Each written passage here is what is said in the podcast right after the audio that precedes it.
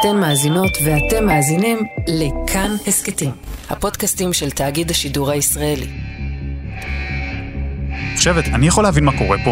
עד לפני רגע סיכוי הפגיעה בכדור הארץ היה אחוז אחד, אז איך זה שקפצנו למאה אחוז?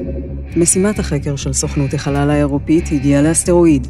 אלה הנתונים העדכניים שקיבלתי על סיכויי הפגיעה. טוב, חייבים להודיע לוועדת... חיון, גם אזור הפגיעה עודכן. האוקיינוס. please תגידי, האוקיינוס. לידו. לידו, לידו. מה זה אומר? לידו? ליד האוקיינוס.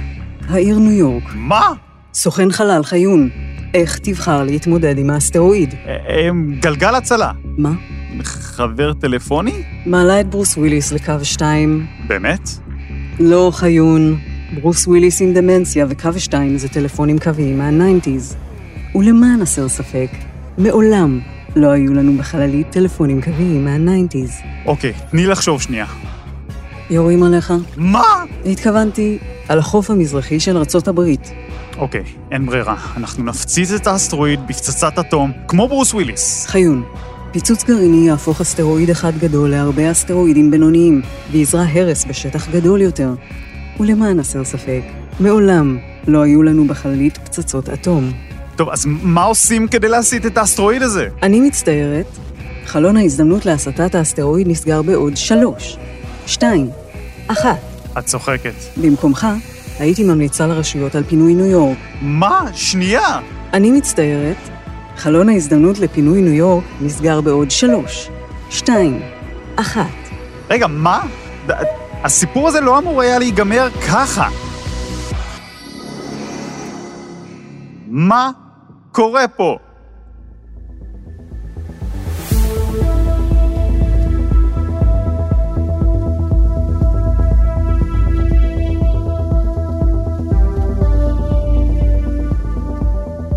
ברוכים השבים וברוכות השבות לסוכן חלל. אני בר חיון, ואם אתם מאזינים לפרק הזה מניו יורק, אל תרוצו למקלטים. זה היה רק תרגיל.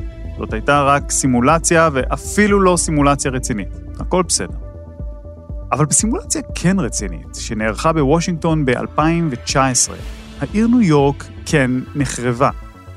200 מומחים השתתפו בתרגיל ההוא, נציגים מסוכנות החלל האירופית למשל, ומנאס"א ומהסוכנות הפדרלית לניהול מצבי חירום. הם כולם התחלקו לצוותים, ובמשך חמישה ימים שיחקו מין משחק תפקידים כזה. כל יום מנהלי התרגיל עדכנו אותם עם נתונים לגבי האסטרואיד המדומיין.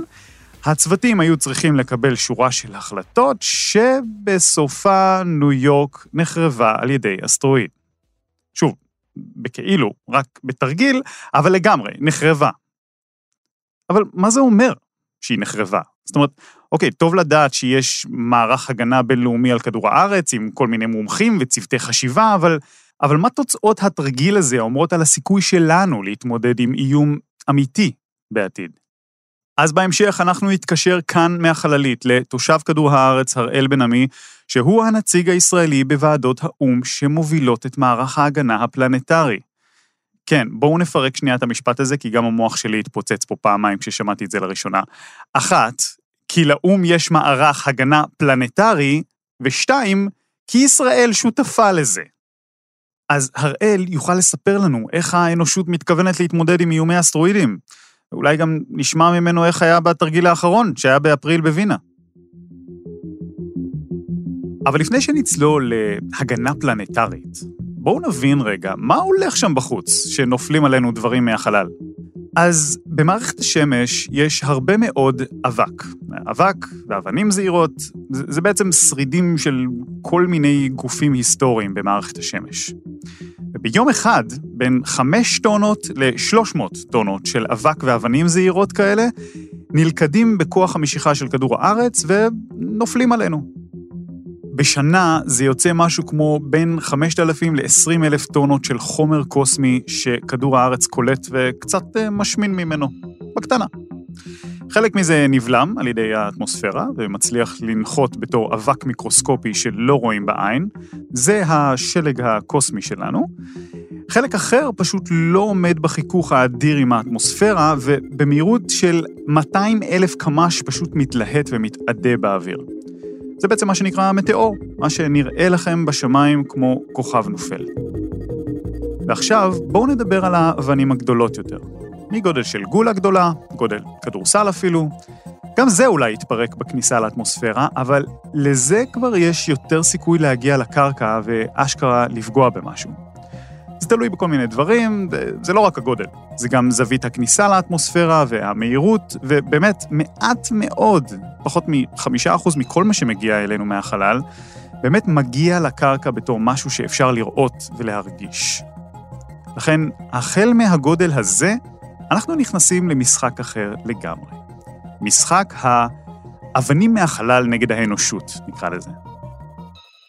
מחשבת, בואי תציגי לנו אותם. ובכן, בפינה אחת של זירת מערכת השמש, הוא כחול, הוא גדול, והוא שורץ חיים. קבלו את כדור הארץ. בפינה השנייה, יריב במשקל קל, נצר לשושלת צלעים בני מיליארדי שנים. קבלו את המטאוריטים. round 1, fight. מטאורית. מטאורית זה אומנם כינוי חמוד לאבן חלל קטנה שמצליחה להגיע לקרקע, אבל תסכימו איתי שזה פחות חמוד כשזה מתקרב אליכם. ב-2009 נניח, מטאורית פגע בילד אחד בן 14 בגרמניה. סיפור אמיתי. גריט בלנק קראו לו, הוא הלך הביתה מבית ספר, כשפתאום אבן בגודל אפונה פשוט נפלה עליו מהחלל. היא רק התחככה ביד שלו ואז התנפצה על הקרקע ברעש, כך שחוץ מצפצופים באוזניים ופציעה קלה ביד לא קרה לו כלום, אבל תסכימו איתי שזה כבר 1-0 לאבני החלל. Space Rock wins.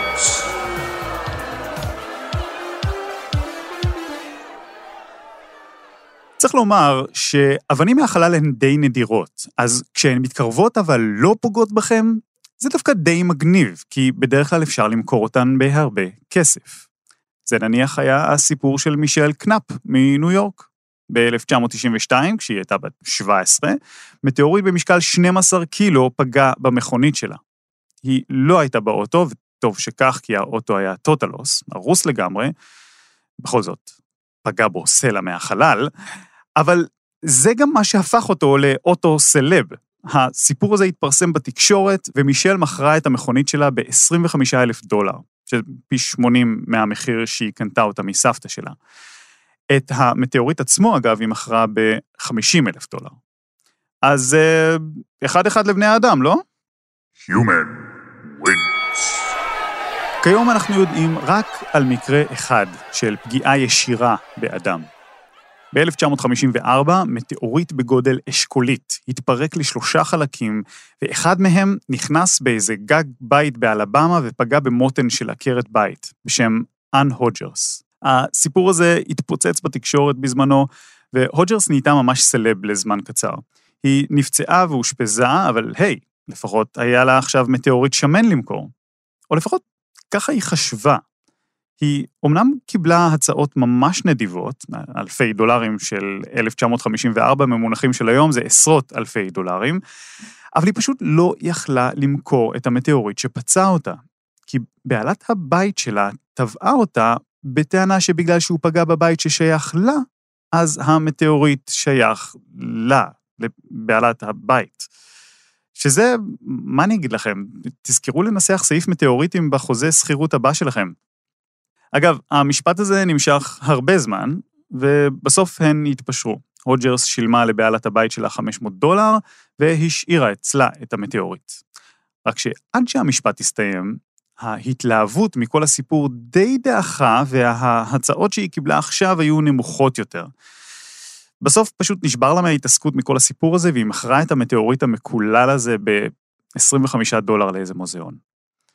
אני מקווה שבעלת הבית לפחות תקנה לה את הגג.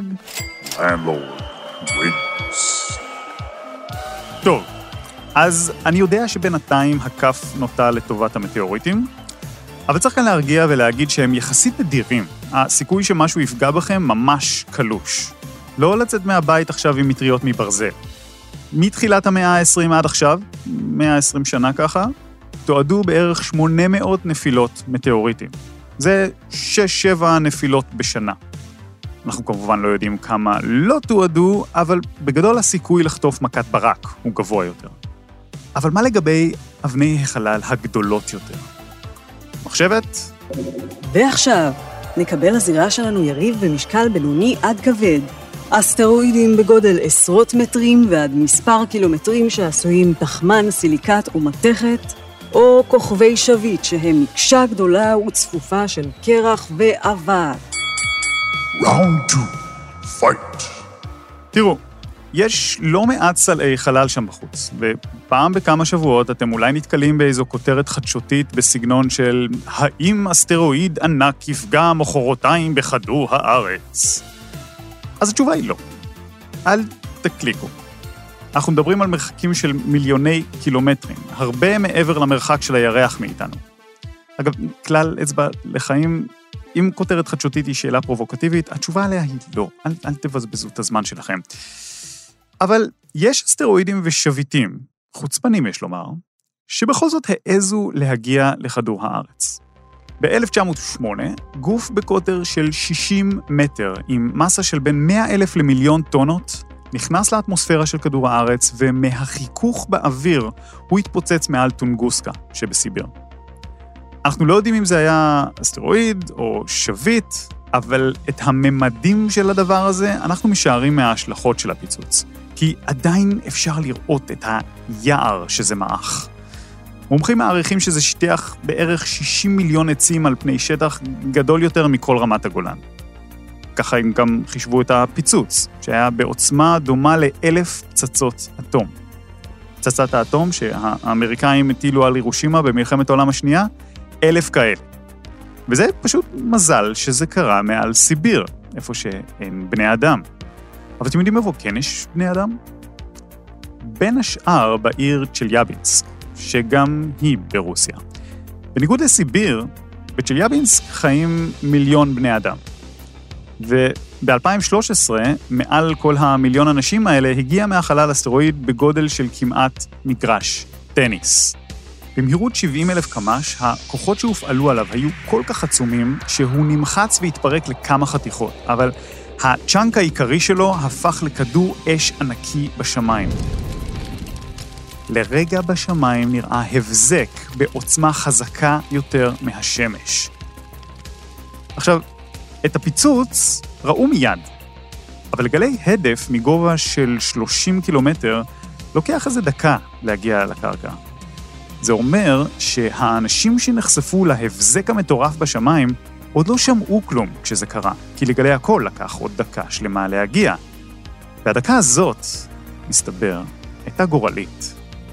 כי לאנשים שהתפעלו ממה שהם ראו בשמיים, היה מספיק זמן לקרוא לעוד אנשים, לבוא ולראות את זה יחד איתם. וככה, אחרי דקה שלמה, אחרי שכולם הספיקו ככה להתמקם ליד החלונות של הבתים והחלונות של החנויות והחלונות של בתי הספר, בבת אחת...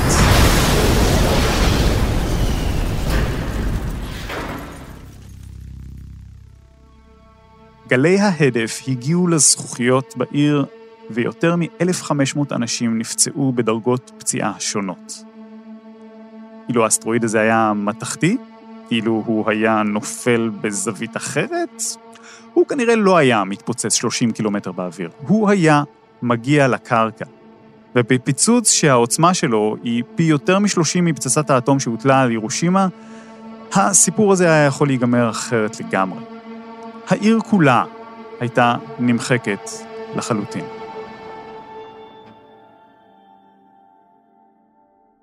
טוב, אז עכשיו האנושות כבר כזה, אוקיי, די, מה, שנייה, פוס משחק.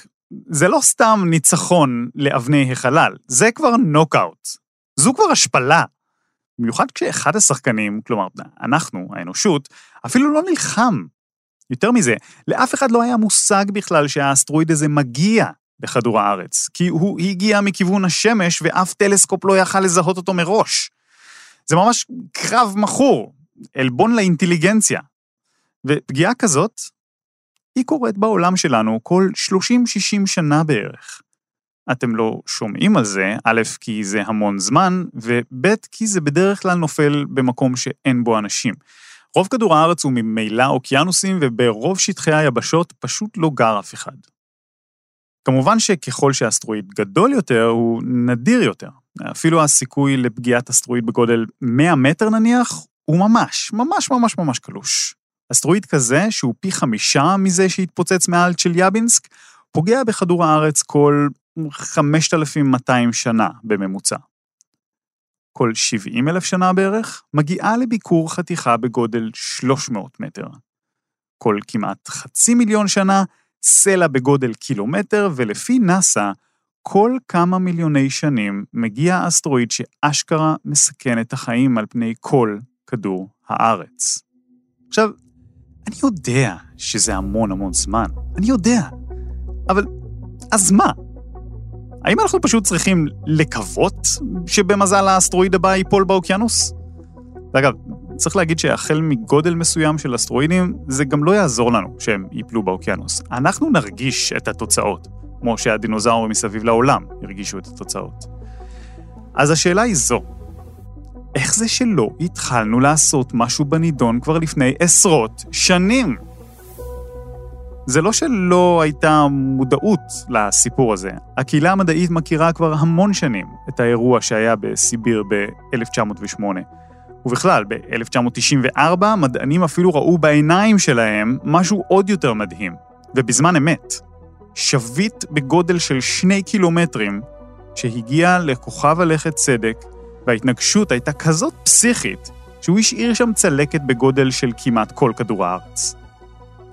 אין המחשה טובה יותר לזה שאירועים כאלה פשוט קורים במערכת השמש. וגם אין ספק שהאירוע הזה זעזע לא מעט אנשים. כבר אז היו מדענים שהיו כזה, אה, אולי כדאי שנעשה משהו בקשר לסיכוי שיפגע גם בנו, משהו כזה? הקונגרס האמריקאי גם היה כזה, אוקיי, טוב, נאס"א חייבת להתחיל למפות אסטרואידים מסוכנים. הוליווד, הוליווד בכלל הגיבה עם סרטי אסונות מוגזמים כמו ארמגדון ופגיעה קטלנית. אגב, שניים מהיועצים המדעיים של פגיעה קטלנית היו מגלי השביט ההוא שפגע בצדק. אבל הקטע הוא שלמרות כל החששות, שום דבר רציני לא זז. רק ב-2008 נאס"א התחילה למפות את האסטרואידים הקרובים, וגם אז זה היה בתקציב בדיחה. פחות מ-4 מיליון דולר, שזה שליש מההוצאות שלהם על נסיעות. כן, שליש מההוצאות של נאס"א על נסיעות לשנה אחת ורק לעובדי מפקדה. קיצור, הרבה מאוד חששות ודיבורים, מעט מאוד כסף ומעשים. אבל, בעשור האחרון, פחות או יותר מאז שהתפוצץ האסטרואיד מעל צ'ליאבינסק, קורה משהו מאוד מעניין. כי עכשיו, עכשיו האנושות מחליטה לעשות משהו בנידון. במקום לחכות לעוד נוקאוט, אנחנו מתחילים, חברות וחברים, להיערך לפגיעה המסוכנת הבאה.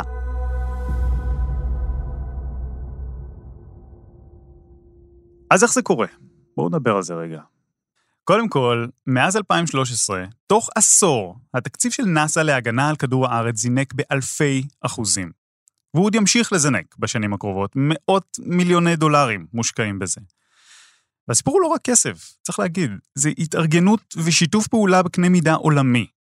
אחרי של יבינסק ב-2013, האו"ם הכריז על יום חג רשמי להעלאת המודעות, יום האסטרואיד.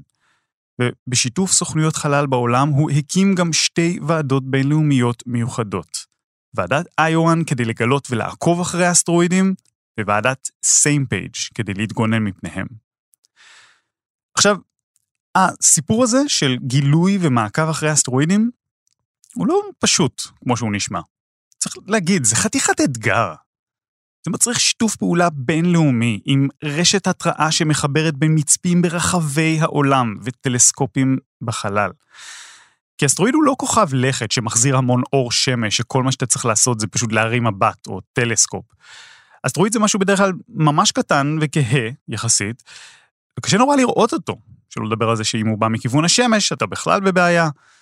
למעשה, לגלות אסטרואידים ולעקוב אחריהם, היו האתגר שהביא לשיתוף הפעולה הבינלאומי הראשון בהיסטוריה בין אסטרונומים. שמעו סיפור. בסוף המאה ה-18, אסטרונומים קלטו שיש משהו חשוד במערכת השמש. הם הבינו שלא יכול להיות שאין שום דבר בין מאדים לצדק. הם לא ראו שום דבר, אבל לפי כל החישובים של מיקום שאר כוכבי הלכת, היה להם ברור שזה מרחק פשוט אדיר מכדי שלא יהיה שם כלום. הסיפור הזה הפך ממש לתעלומה אמיתית, כי למרות החשד, הם לא מצאו שם כוכב לכת. זה היה ממש פרשת כוכב הלכת החטוף. והיו שני אסטרונומים ספציפיים עם אובססיה לסיפור הזה. פרנץ אקזייביר פון זך ויוהאן הירונימוס שרוטר. שני המכובדים האלה הבינו שכדי לצוד את מה שנעלם שם בין מאדים לצדק, הם יצטרכו תגבורת. אז הם פנו לאסטרונומים מפורסמים מגרמניה, אוסטריה, דנמרק, שוודיה, רוסיה, צרפת, אנגליה, איטליה, והצוות לעניין הזה שהתגבש, 24 אסטרונומים תותחים, הקים בשנת 1800 את המשטרה השמימית. אמיתי, ככה הם קראו לעצמם, ובגרמנית, הימלספוליצאי. המשטרה השמימית חילקה את השמיים לאזורי חיפוש, והבלשים האסטרונומיים יצאו לציד אחרי הגוף הנהדר. אבל ככל שהחקירה נמשכה, כמו בכל סיפור בלשים טוויסט טוב, התברר להם שפשוט אין גוף כזה. התברר שהיו כמה. כן, בתוך שבע שנים, עד 1807, חברי המשטרה השמימית גילו לא פחות מארבעה גופים בין מאדים לצדק. כיום אנחנו יודעים שהם חלק מחגורה שלמה של מיליוני אבנים בכל מיני גדלים. פתרון התעלומה היה למעשה מה שאנחנו מכירים כיום בתור חגורת האסטרואידים.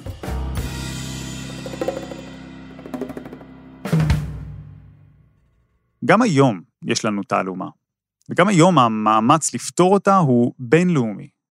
אסטרונומים מסביב לעולם משתפים פעולה כדי לצוד גופים שטרם נראו בהיסטוריה. וכמובן, גם לעקוב אחריהם ולחקור ממה הם עשויים, ובמיוחד אם אלה גופים קרובי ארץ מחוץ לחגורת האסטרואידים, כאלה שמתקרבים למסלול כדור הארץ, ובמיוחד במיוחד אם הם גדולים. אז בינתיים אין התנגשויות צפויות, צריך להגיד, אבל מה נוכל לעשות אם נגלה שיש? אחד הדברים שאנחנו עושים בשנים האחרונות זה תרגילים. כמו שאמרתי קודם, זה מעין משחק תפקידים כזה שמדמה איום פגיעת אסטרואיד. תרגיל שנערך השנה למשל, הוצג באפריל בכנס של האקדמיה הבינלאומית לאסטרונאוטיקה. הכנס הזה שודר מווינה בשידור חי לכל העולם, כך שאפשר היה ממש לעקוב אחרי כל השלבים של התרגיל. ביום השני של הכנס עלתה לבמה נציגה של נאס"א, דוקטור קלי פאסט, שהציגה את נתוני השלב הראשון, שלפיהם ידוע בינתיים על אסטרואיד עם סיכוי של אחוז אחד פגיעה בכדור הארץ בשנת 2036. And so in, here we start this exercise, and our asteroid in this case is 2023 PDC. בשלב הזה של התרגיל, קלי פאסט מעדכנת שההמלצה היא בינתיים רק לשגר משימת סיור. המטרה שלה היא לאסוף עוד נתונים על אסטרואיד לפני שמחליטים מה לעשות. המומחים שמשתתפים בתרגיל מתחילים להריץ הדמיות עם אלפי תרחישים, ובהמשך מנהלי התרגיל מעמידים פנים שהגענו לאוקטובר 2024 ומעדכנים שסיכוי הפגיעה קפץ מאחוז אחד למאה אחוז. כלומר, לאנושות יש עד ה-22 באוקטובר 2036 להתמודד עם אסטרואיד בגודל של 300 עד 900 מטר שיפגע בצפון מערב אפריקה. יש שם אפילו קטע שנציג סוכנות החלל האירופית מדבר על ההשלכות של הדבר הזה.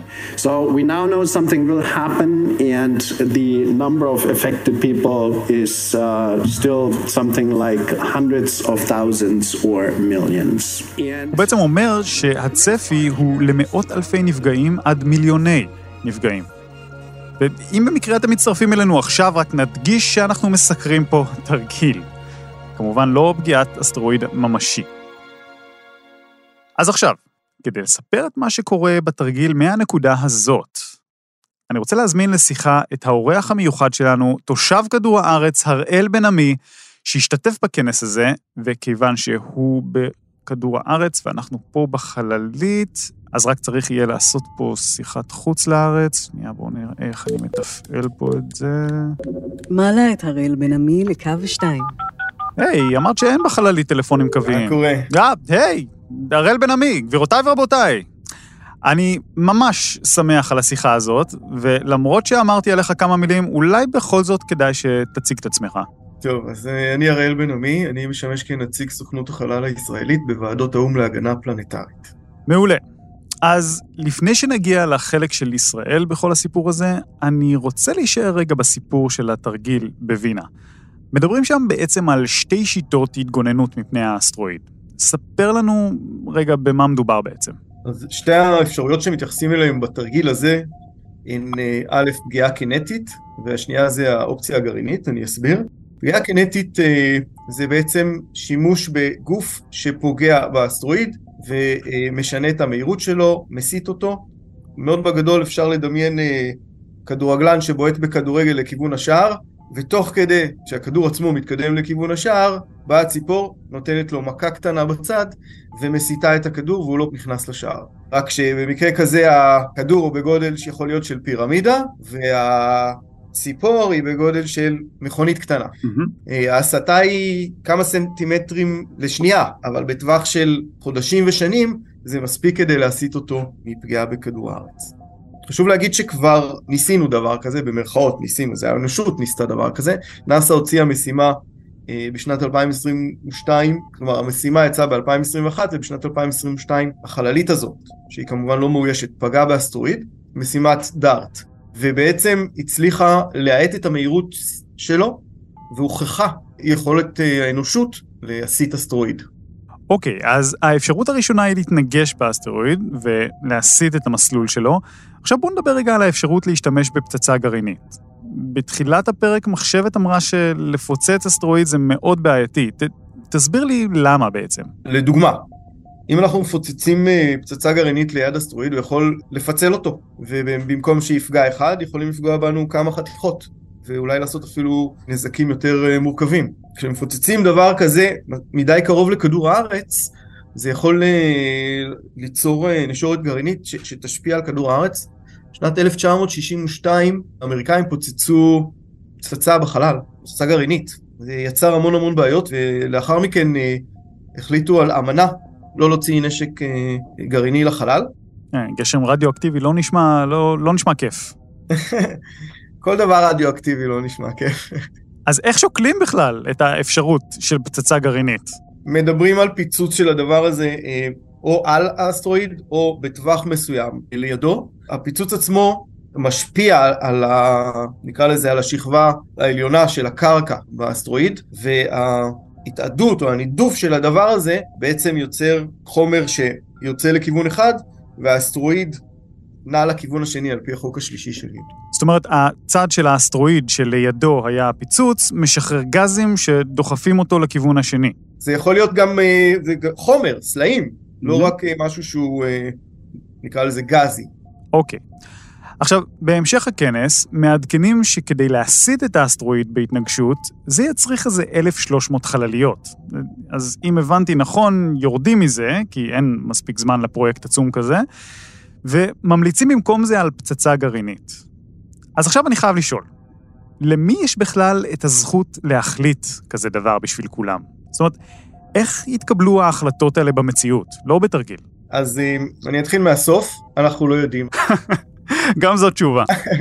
אנחנו עוד לא יודעים ואין פרוטוקול מסודר לכל התהליך הזה, וזה חלק מהמטרה של הוועדות שעליהן נשלחתי, לעשות סדר. זאת אומרת שאם תהיה סיטואציה שבה באמת יגיע אסטרואיד, של, שלא נתחיל אז להבין מי מדבר עם מי ומי מקבל את ההחלטות. רוב המשפטנים היום, משפטני החלל ש, שנמצאים בתוך הפורום הזה, ש, שמטפל ונערך להתמודדות עם אסטרואידים, בעצם אומרים שמועצת הביטחון הוא הגוף הכי מתאים היום בעולם לקבל את ההחלטה. כן, וגם אז, האם צריך נניח לתת זכות וטו למדינה שאמורה להיפגע מהאסטרואיד, או אולי דווקא המדינות שיממנו את משימת ההגנה, שהקול שלהן צריך הכי הרבה להשפיע? אין, אין לנו תשובות מוחלטות, התרגיל נועד לזה, להציף את המודעות ולדייק את המורכבויות שאנחנו עומדים בפניהם, כדי שמקבלי ההחלטות יבינו ש, שנדרש להכין את הפרוטוקול. אתה יודע, הראל, יש שם קטע מרתק בכנס, כשעולה לדבר נציג האיחוד האפריקאי, והוא אומר בכנות שלהרבה אנשים יהיה קשה לבלוע את הפתרון של הפצצה הגרעינית. שיהיה צריך לשכנע את הפוליטיקאים והציבור באפריקה שזה באמת המוצא האחרון. כן, כן, כן. עכשיו, למה זה מרתק בעיניי? כי נדמה שבין השורות הוא אולי רומז שיכול להיות שהאופציה להתנגש באסטרואיד עם אלפי חלליות עלולה להיפסל כי היא פשוט תהיה מורכבת מדי או, או יקרה מדי. בכל זאת, לשגר עכשיו 1,300 חלליות שהתנגשו באסטרואיד יצריך תקציבים דמיוניים ומאמץ הרבה יותר גדול מ- מלשלוח חללית עם פצצה גרעינית אחת. הוא לא רוצה שכסף או פוליטיקה יהיו השיקול העיקרי, הוא רוצה שחיי אדם יהיו השיקול פה. לחלוטין, ואם יהיה איום אמיתי, סביר להניח שיהיו הרבה אה, מדינות שיתנגדו, כל אחת מהסיבות שלה. וההחלטה תצטרך להתקבל לא בקונצנזוס, וזה יכול להוסיף עוד מורכבויות שכמה שאנחנו רואים עכשיו יכולים להביא אפילו למלחמה. כלומר, מדברים על זה שייתכן שכתוצאה ממערכה להגנה פלנטרית יכולה להתחיל מלחמה על כדור הארץ. זה עד כדי כך מורכב. תגיד, עושה רושם שמתכנני התרגיל לא בדיוק עשו פה את החיים קלים, בלשון המעטה, וזו לא הפעם הראשונה. תוצאות התרגיל הזה אומנם עוד לא פורסמו, לפחות נכון לעכשיו, אבל בתרגיל ב-2021 נניח, האסטרואיד המדומיין השמיד רדיוס של 100 קילומטר בין גרמניה לצ'כיה. אה, הזכרתי בהתחלה שב-2019 ניו יורק נחרבה בתרגיל, ו... ובשנים קודם לכן הריביירה הצרפתית ובירת בנגלדש חטפו, כולם חוטפים. בתרגיל של 2019, טוקיו דווקא ניצלה. אשכרה. בטח אמרו ההיסטוריה של טוקיו עם רעידות אדמה וגודזילה, לפחות שמפגיעת אסטרואידית תינצל. אבל באמת, אני רוצה לשאול אותך, הראל, איך זה שבכל כך הרבה תרגילים אנחנו נכשלים? זאת אומרת, מה, מה, מה זה אומר עלינו? קודם כל צריך להבין שהתרגיל נועד להיות מורכב. אם נצליח בכל תרגיל להסיט האסטרואיד, אז לא יתורגלו הגופים, האנשים, שאמורים לטפל באסון. זאת אומרת, אתה אומר, אם הכל היה מצליח, לא היינו לומדים כלום. כן. מהכישלונות בתרגילים אנחנו לומדים הרבה יותר מאשר מההצלחות. כן. תגיד, הראל, מה המקום של ישראל בוועדות האו"ם האלה? מנהל סוכנות החלל לפני שמונה שנים שלח אותי בוועדות האלה כדי ללמוד מה זה הגנה פלנטרית ולראות כיצד ישראל תוכל לסייע בהגנה או בהצלת חיים ולנסות גם לעשות שיתופי פעולה. זה אגב קרה, רק תמקם אותנו, ישראל התקבלה ב-2015? כן, לוועדת SMPAG וזה אולי ההישג הראשון שלנו, כי להתקבל לוועדה הזאת צריך קונצנזוס וצריך יכולת חלל מוכחת. אוקיי, והחלק שלנו, אה, שלך? כמובן אני כמה שאפשר מייעץ בתוך הוועדות, מנסה ליצור שיתופי פעולה, חיבורים בין מדענים מישראל וסוכניות חלל, גופים בעולם. מה שעשינו אולי הכי מיוחד זה שחיברנו צוות ישראלי של מדענים ל-i1, שהיא מקימה בעצם רשת של טלסקופים הצוות uh, שזכה בקול קורא של סוכנות החלל הוא של ערן אופק ודוד פולישוק ממכון ויצמן והם בפועל כרגע עוזרים באפיון אסטרואידים כחלק מכל הרשת הגלובלית הזאת שנקראת i1. ותגיד, איך זה באמת לעבוד עם יועצים ומדענים שהם לפעמים ממדינות שנחשבות, אה, בוא נגיד, לא ידידותיות לישראל? אתה, אתה מרגיש מתחים? פחות מרגיש את המתחים. קמפוס האו"ם של החלל הוא ברובו מכיל מדענים. מדענים יושבים על שולחן וחושבים כמו מדענים, איך פותרים את הבעיה. פחות מורגש הצד הפוליטי, וכן הפלטפורמה הזאת של מדע והצלת כדור הארץ מאפשרת לנו לדבר בצורה פשוטה ולהתגבר על מכשולים, כי כולנו בעצם רוצים דבר אחד, להציל את כדור הארץ. בסדר גמור. אנחנו רק נדגיש שוב שכיום אין איום קונקרטי, וזהו, אני רוצה ממש להודות לך, תושב כדור הארץ הראל בן עמי, נציג בוועדות האו"ם להגנה פלנטרית מטעם סוכנות החלל הישראלית שבמשרד החדשנות, המדע והטכנולוגיה. אני מקווה שהאנושות תציל את כדור הארץ מפני האסטרואיד הבא, ואני עוד יותר מקווה שלא נצטרך. תודה לך, בהצלחה.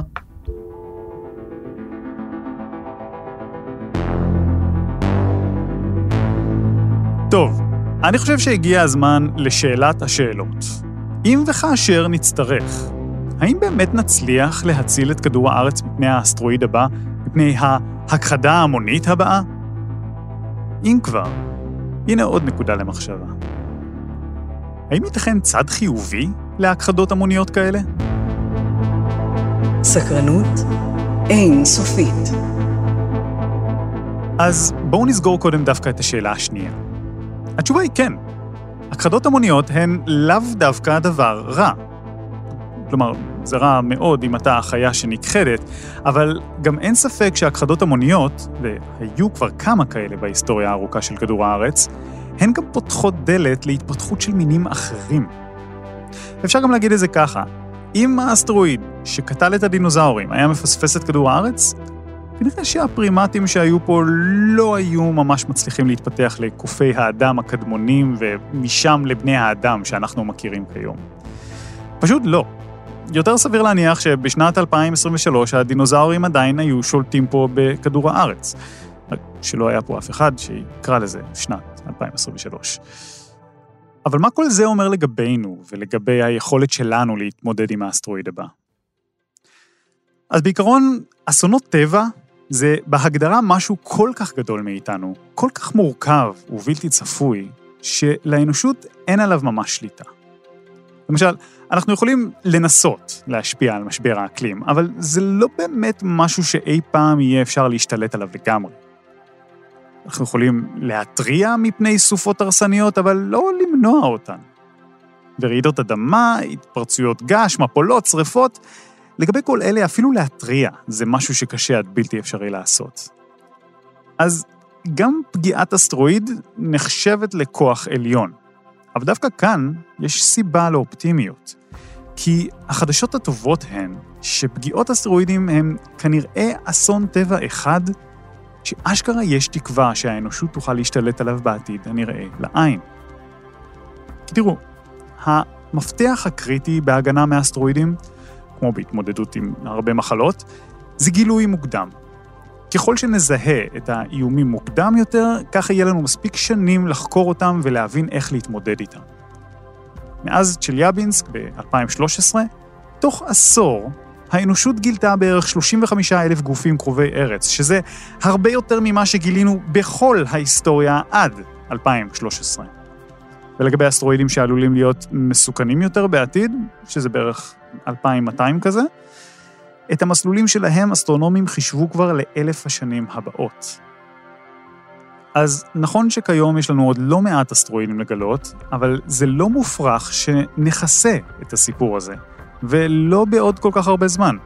אחד הטלסקופים, למשל, שנקרא על שם המדענית ורה רובין ויתחיל לפעול בצ'ילה כבר בשנה הבאה, הוא הולך לצלם את השמיים בקצב ודיוק כאלה שאפשר להגיד כמעט שיהיה לנו סרט HD של השמיים. ב-2028 ישוגר לחלל הטלסקופ ניו סרוויור של נאס"א, שבצילום אינפרה אדום יעזור לנו להשלים את קטלוג האסטרואידים הקרובים.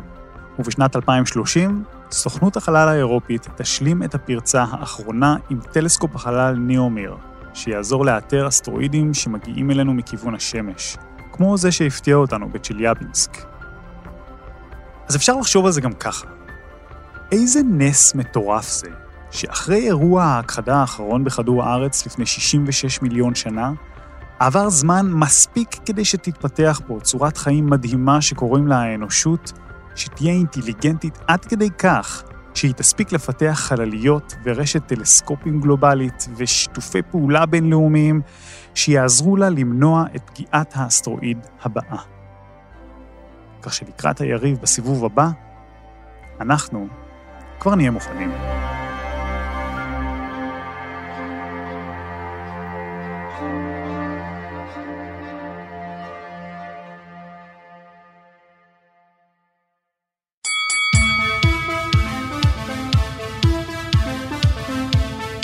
האזנתם להסכת סוכן חלל. תודה להדר סיטרוק, קולה של מחשבת. את הפרק ערכו דניאל מאורר וניר גורלי. על הסאונד והמיקס, רחל רפאלי. פרקים נוספים באתר כאן ובשאר אפליקציות ההסכתים. אם יש לכם שאלות, שילחו לי למייל עדיף מוקלטות. הכתובת היא בר light years במילה אחת בג'ימל, שזה בעצם בר שנות אור בג'ימל. אני בר חיון, ועד הפרק הבא, תמשיכו להביט למעלה.